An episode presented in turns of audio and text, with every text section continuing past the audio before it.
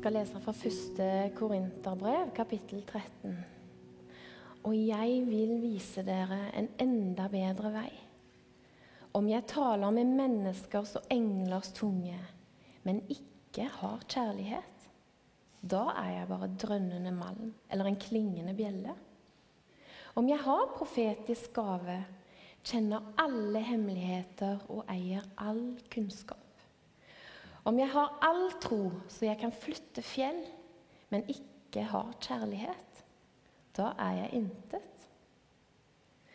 Om jeg gir alt jeg eier til brød for de fattige, ja, om jeg gir meg selv til å brennes, men ikke har kjærlighet, da har jeg ingenting vunnet. Kjærligheten er tålmodig. Kjærligheten er velvillig. Den misunner ikke, skryter ikke, er ikke hovmodig. Kjærligheten krenker ikke, søker ikke sitt eget, er ikke oppfarende og gjemmer ikke på det onde. Den gleder seg ikke over urett, men har sin glede i sannheten. Kjærligheten utholder alt, tror alt, håper alt og tåler alt. Kjærligheten tar aldri slutt. Profetgavene skal bli borte. Tungene skal tie, og kunnskapen forgå. For vi forstår stykkevis og taler profetisk stykkevis. Men når det fullkomne kommer, skal det som er stykkevis, ta slutt. Da jeg var et barn, talte jeg som et barn, tenkte jeg som et barn, forsto jeg som et barn. Men da jeg ble voksen, la jeg av det barnslige. Nå ser vi i et speil i en gåte. Da skal vi se ansikt til ansikt. Nå forstår jeg stykkevis. Da skal jeg erkjenne fullt ut, slik Gud kjenner meg fullt ut. Så blir de stående, disse tre. Tro, håp og kjærlighet. Men størst blant dem er kjærligheten.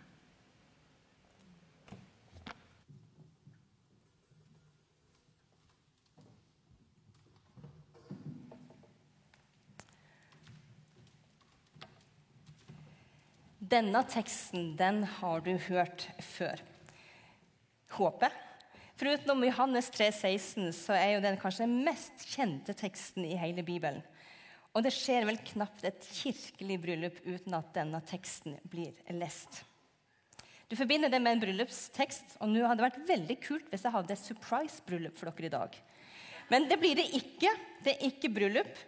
Og dette er egentlig ikke en tekst sånn spesifikt til ektepar heller. Det er en tekst til menigheter. Til alle sammen her. Så er det bakt inn i kapitler som handler om nådegavene, og hvordan menigheter bør praktisere dette. Altså kjernevirksomheten i menighetene. Og Det er altså Paulus som skriver til Korint. menigheten i Korint. Korint var en by i en enorm vekst. De har vært utsatt for total ødeleggelse i år 146 før Kristus. Og så lå byen helt øde i 100 år, før den på nytt ble grunnlagt. Den nye byen den var bare rundt 100 år gammel da Paulus skrev sine brev til menigheten her. Til Korint og de som bygde byen, så var det primært frigjorte slaver som bosatte seg. Det var et folk som var vant til å arbeide og til å stå på. Her ser du litt sånn kjente eh, Hellas merkevare med ruiner. Og Det er fra Korint. Og Korint det ligger jo inni en bukt. Skal vi se om jeg får den pila her. Her. Eh, hvis, du, hvis, man zoomer ut på det bildet, det, så ligger Aten her borte.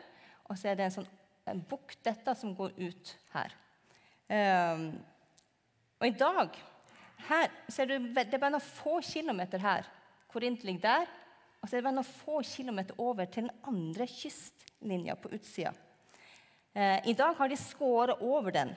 som det er en kanal. Så det er som et kakestykke de bare skåret opp og så bare gjort litt sånn. Så kan akkurat Store skip seile imellom der.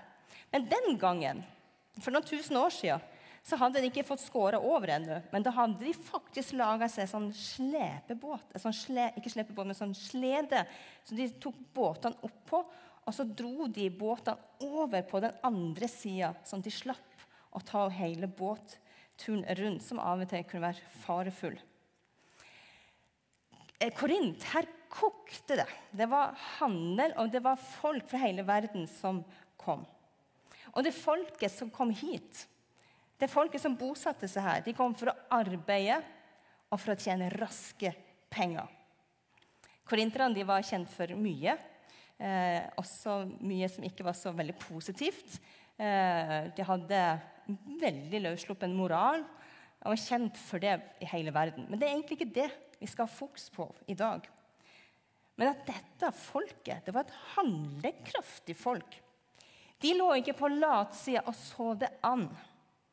Du bosatte deg ikke i Korint for å nyte late dager, trekke pusten og kjenne liksom duften av sommerlukt som kommer med alle blomstene. De gjorde ikke det. Det kokte i gryta Korint, og folket visste å røre rundt, sånn at det ikke skulle svi seg. I dag så ville de kalt det for fremoverlente folk. De oppnådde kjapt suksess det var businessfolk, og det var innovative folk, og det var arbeidsomme folk. Og så er det noe med dette som jeg tenker hmm, Jeg syns de ligner litt på haugesundere. Sånn Vestlendinger og Haugesund de har litt, eller ganske mye av dette, syns jeg også. Du flytter i hvert fall ikke til Haugesund for å nyte lange, stabile somre hvor du kan gå kilometervis på strender, og det er varmt og deilig. Da drar du til Sørlandet eller til Kenya. Men her, her skal det skje noe. Gjerne hele tida. Og det er viktig å tjene penger. Hvem andre sine byer har en sånn i byen? Det er bare Haugesund som har Onkel Skrue med sin store skatt, og Haugesund som er, nigg i der. Jeg vet at dette gjelder ikke alle. Det er ikke sånn at Nå tar jeg alle under én kam og sier at alle er sånn. Men det er noe med byen her. Det er noe med spiriten, hvis du misforstår meg rett, som er bare mer businessvennlig og mer sånn på når det kommer til disse tingene. Og som innflytter, vi er jo innflytter, kom hit for snart to år siden, så merker vi den forskjellen. Og Martin, som er min mann, han er selvstendig næringsdrivende, og han merker det i hvert fall. Her er det innovative folk. De legger til rette for gode løsninger som skaper økonomisk gevinst. Det er en drive her. Du merker det til og med i tempoet hvis du går på tur med folk. Haugesundere rusler ikke på tur. De går. Det er av og til litt vanskelig for å holde følge. I hvert fall hvis du skal prate, så er det ikke alltid det funker så godt.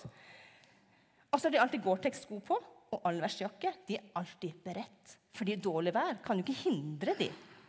Nei, nei. Haugesundere og vestlendinger de setter seg ikke ned og tvinner tomler og lurer på hvordan det kommer til å gå. De er målbevisste, de vet hvordan de vil ha det, og de sørger for at det blir sånn. De fikser suksess. Og når Paulus skriver til korinterne om hvordan man skal praktisere det å være menighet, til et folk som er vant til å kjapt fikse suksess, kjapt fikse sånn som det skal være, så blir det ytterst viktig med kapittel 13. Og jeg vil vise dere en enda bedre vei. Paulus lar ikke, lar, ikke, være å skrive om alt det andre som er viktig. Men han viser dere en enda bedre vei, sier han til korinterne, og til oss. For vi kan være verdens flinkeste i alle de åndelige gavene. Vi kan være fremoverlent som menighet også, i vekst og suksess. Men om det ikke skjer i kjærlighet, da har vi faktisk bomma fullstendig på målet. Og alt det vi gjør, har ingen verdi. Oi, Dette må synke litt inn. Vi har jo det siste året hatt fokus på det å være sendt. Vi er som menighet og som Guds folk er vi sendt ut av Jesus. Vi har snakket om det å være sendt både som menighet og som enkeltmennesker i den hverdagen som vi står i, alle sammen. Enten det er skole, eller det er arbeid, eller det er venner, eller nettverk, naboskap. Og Vi er utrusta forskjellig, og Gud virker gjennom oss på forskjellige måter. Om det å være sendt i åndens kraft, om det å være sendt til velsignelse for byen vår og bygge den opp. Fordi vi har en visjon at vi stadig vil nå nye mennesker for Jesus Kristus. Og det er verdens beste budskap. Men om det ikke skjer i kjærlighet, da er det bare gang, gang og støy. Og alt det vi gjør, er forgjeves. Og Den kjærligheten som Paulus skriver om her, det er agape. Det greske språket det har forskjellige ord for forskjellige typer kjærlighet. Eros det er den erotiske kjærligheten, som er forelskelsen og det fysiske. Rufilos, filos, som er kjærligheten mellom familie og vennskap. Og så er det agape, den uselviske kjærligheten, som ubetinga ikke stiller krav og forventer noe tilbake. Den viljen til å tjene og til å være god mot den andre, selv når den andre skuffer og sårer en. Den kjærligheten som Gud elsker oss mennesker med. Han som elsker oss først, mens vi ennå var syndere. Jesus har sendt oss. Og det er han som holder oss i sine hender. Kraften i sendelsen består ikke i hvor flink vi kan være, hvor mye suksess vi kan skape, og hva vi fikser sjøl. Men når du ligger som en pil her, så ligger kraften i at du blir trukket tilbake mot den som sender. Kraften ligger i at han får lov til å trekke deg inn til hans kjærlighet.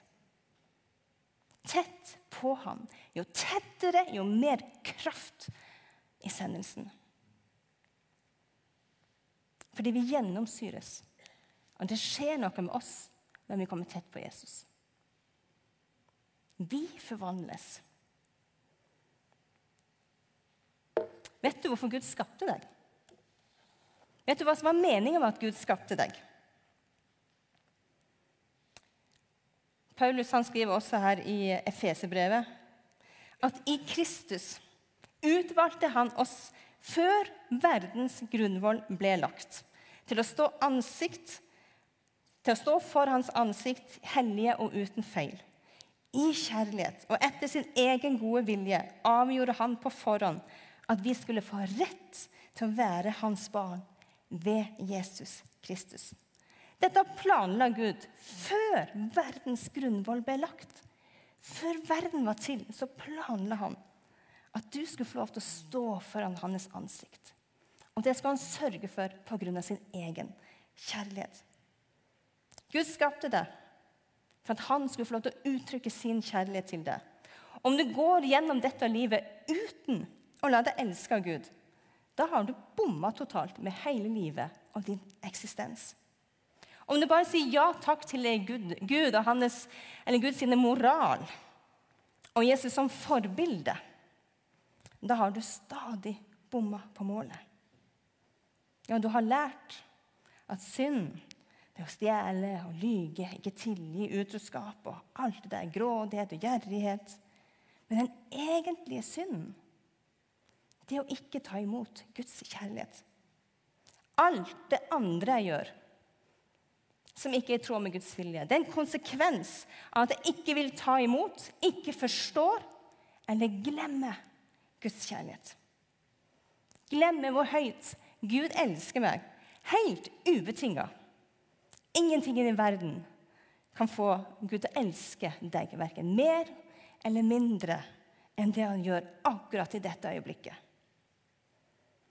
Men når vi glemmer det, og kanskje spesielt når suksessen går oss litt til hodet, så blir vi utålmodige, vi blir hovmodige. Vi har behov for å skryte av oss sjøl, og vi blir grådige, harde. Vi søker vårt eget. Vi blir oppfarende, vi gjemmer på det onde, vi tilgir ikke, og vi taler ikke sant. Du er skapt for å la deg elske og erfare den største, dypeste, altomfattende og helt ubetinga kjærlighet. Din primære hensikt i livet Hør. Din primære hensikt i livet det er ikke å adlyde Gud eller å elske Gud eller å stole på eller å gi eller å tjene eller å være god til å fortelle dine naboer om Jesus. Men din primære hensikt med ditt liv det er ikke å gjøre noe for Gud, men å ta imot noe fra Gud. Du er skapt til hver eneste dag gå til et ferdig dekka bord av kjærlighet. Du behøver ikke å gjøre noe, han behøver ikke engang hjelpe til for at Gud skal elske deg mer. Han elsker deg. Om du er glad, eller om du er sur, om du har slengt med leppa til ungene dine eller til ektefellen på vei til kirka Gud elsker deg like mye. Om du har gjort pliktene dine, om du ditt, ikke engang fikk gjort ditt beste på eksamen en gang Gud elsker deg like mye. Han lar seg ikke rokke. Det er et ferdig dekka bord av Guds kjærlighet til deg. Og din hensikt med livet er å komme og sette deg og få. Alt, alt starter her. Fordi Gud eksisterer ikke av deg. Han eksisterer av seg sjøl. Og motivasjonen hans for å elske deg ligger ikke i deg, men i han sjøl. For Gud er kjærlighet. Og kjærlighet er noe som, som eh, eksisterer i en relasjon. Og denne relasjonen er faktisk heller ikke primært Gud og deg. Men den ligger i Gud sjøl. Gud er tre i én. Tre enhet. Gud er relasjon. Gud er kjærlighet og eier alt dette i seg sjøl. Derfor trenger du ikke å lete etter noe spesielt elskverdig med deg for at du skal bli invitert inn i det. Grunnen til at han elsker deg, det er på grunn av han sjøl. Og du er hans barn. Og Litt enklere forklart så har jo jeg tre barn. Surprise! Jeg elsker de overalt på jord. Jeg elsker deres påfunn, jeg elsker deres humør og deres humor. Jeg elsker deres eh, kjærlighetslapper og deres emner og deres egenskaper og det som de hver enkelt har. Men det er ikke derfor jeg elsker dem. Det er mange ting jeg elsker ved dem, men det er ikke derfor jeg elsker dem. Jeg elsker dem ene og alene fordi de er mine barn. Og fordi de er mine barn, så elsker jeg alt det andre med dem. Om du tar ett av mine barn, hvis du tar Theodor og sier at jeg kan gi deg 500 000 av storesøster Emma Sofie og kanskje 500 000 av lillebroren Max. Vil aldri fylle det hullet som Theodor har i mitt hjerte. Om du tar Max Gabriel, minstemann, og så sier de, vi kan gi deg en million barn som du kan bety noe for. Jeg vil aldri ta den plassen som Max har i mitt hjerte. Men det finnes mennesker som kan erstatte det i din tjeneste, i ditt arbeid, i samfunnet. Men det finnes ikke ett eneste menneske av klodens åtte milliarder mennesker som kan erstatte deg og din plass ved dette bordet for en Gud som elsker deg.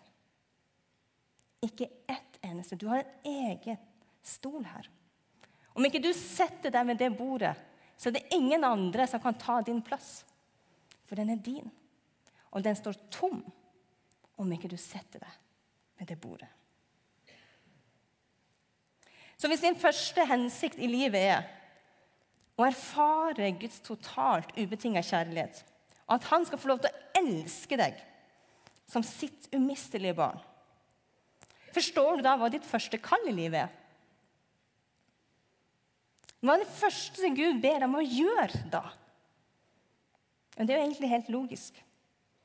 Ditt primære kall det er å glede deg over Guds ubetinga kjærlighet gjennom en relasjon med Ham. Det er å gå inn i den relasjonen som Gud har, den kjærligheten som er, og være der. Og vite at tyngden i her hviler ikke hos meg, men hos Han som er kjærlighet. Paulus han skrev det helt i begynnelsen av dette brevet til korinterne. Gud er trofast, han som har kalt dere til fellesskap med sin sønn Jesus Kristus, vår Herre. Det betyr at vårt primære kall aldri kan bli å bli misjonær, eller å bli en supergod nabo eller en kjempegod lærer. Heller ikke oppnå noe, heller ikke å tjene masse penger eller gjøre inntrykk på andre. Men å være i den relasjonen som Gud har skapt deg til å være i. I hans familie. Paulus skriver i brevet til efeserne må Kristus ved troen bo i deres Ja, ikke bo i hodet, men bo i hjertene våre. Det er da det er en relasjon i det. At vi skal stå rotfesta og grunnfesta i kjærlighet, ikke i suksess og det vi kan få til. Men da kan vi bli i stand sammen og fatte Guds enorme kjærlighet, som overgår all kunnskap. Det som blir annerledes når jeg erfarer Guds kjærlighet, det er den kraften i sendelsen. For Det ligger ikke i hvem jeg er, men i hvem som sender meg. Og det ligger at jeg kan få lov til å hvile i hans kjærlighet mer enn i mine talenter og hva han har lagt i meg. Når du er trukket inn, når du er gjennomsyra av den kjærligheten som Gud er, når du lar ham få lov til å trekke det som en står med en armbryst, Når han får trekke deg inn, så skjer det noe med oss. Jo, du blir forvandla. Du blir dypt tilfredsstilt. Og du trenger ikke suksess for å føle deg verdifull. Verken overfor Gud eller for andre mennesker. Og du ser annerledes på andre mennesker ikke som et objekt for din åndelige suksess, men som verdifulle mennesker som Gud har skapt og elsker. Og de også har en plass ved dette bordet som bare deres. Og du eier en glede og en fred som overgår alle omstendigheter og alt det som vi går igjennom i løpet av dagene. Og du kan elske fordi Guds kjærlighet har forvandla deg. Dette er det som verden trenger. Dette er det som verden lengter etter. En samtale mellom en liten gutt og en bestemor var ca. som bestemor spør gutten liksom, hvor stor er Gud? Og den lille gutten svarer å, han er svær, gedigen. Gud er stor. Wow. Og Så sier bestemora ja, og hvordan kan det være at Gud, som er så stor, kan få, få plass i det lille hjertet mitt, da? Og så svarer gutten, ja, jeg vet. Det er derfor han tyter ut alle veier. Og sånn er det. Skal vi være sendt, så må jo Jesus tyte ut alle veiene i oss. Bli i meg, sa Jesus. Da kan dere bære mye frukt. Med andre ord, blir vi i Han, lar vi Han trekke oss inn til seg, så tyter vi ut alle veiene. Og så er det hans kjærlighet som er krafta. Herre Jesus Kristus, jeg ber om at du hjelper oss. Kall på oss og dra oss inn til ditt hjerte. Jesus, du vet om alt vi har. Du vet om alt det vi får til, og du vet om alt det vi ikke får til. Vi legger både suksess og mangel på suksess og alt det du har utrusta oss med, framfor deg. Så legger vi det også under oss, så kommer vi som dine. Helt uten annet enn å bare si ja. Ja, jeg vil at du skal elske meg. Ja, jeg tar min plass ved det bordet, for jeg ikke kan gjøre noe for å få det bedre, eller gjøre noe for du skal få mer øye på meg.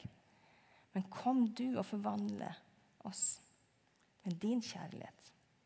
Sånn at når vi sendes ut i vår uke, så er vi forvandla av din kjærlighet. I Jesu navn. Amen.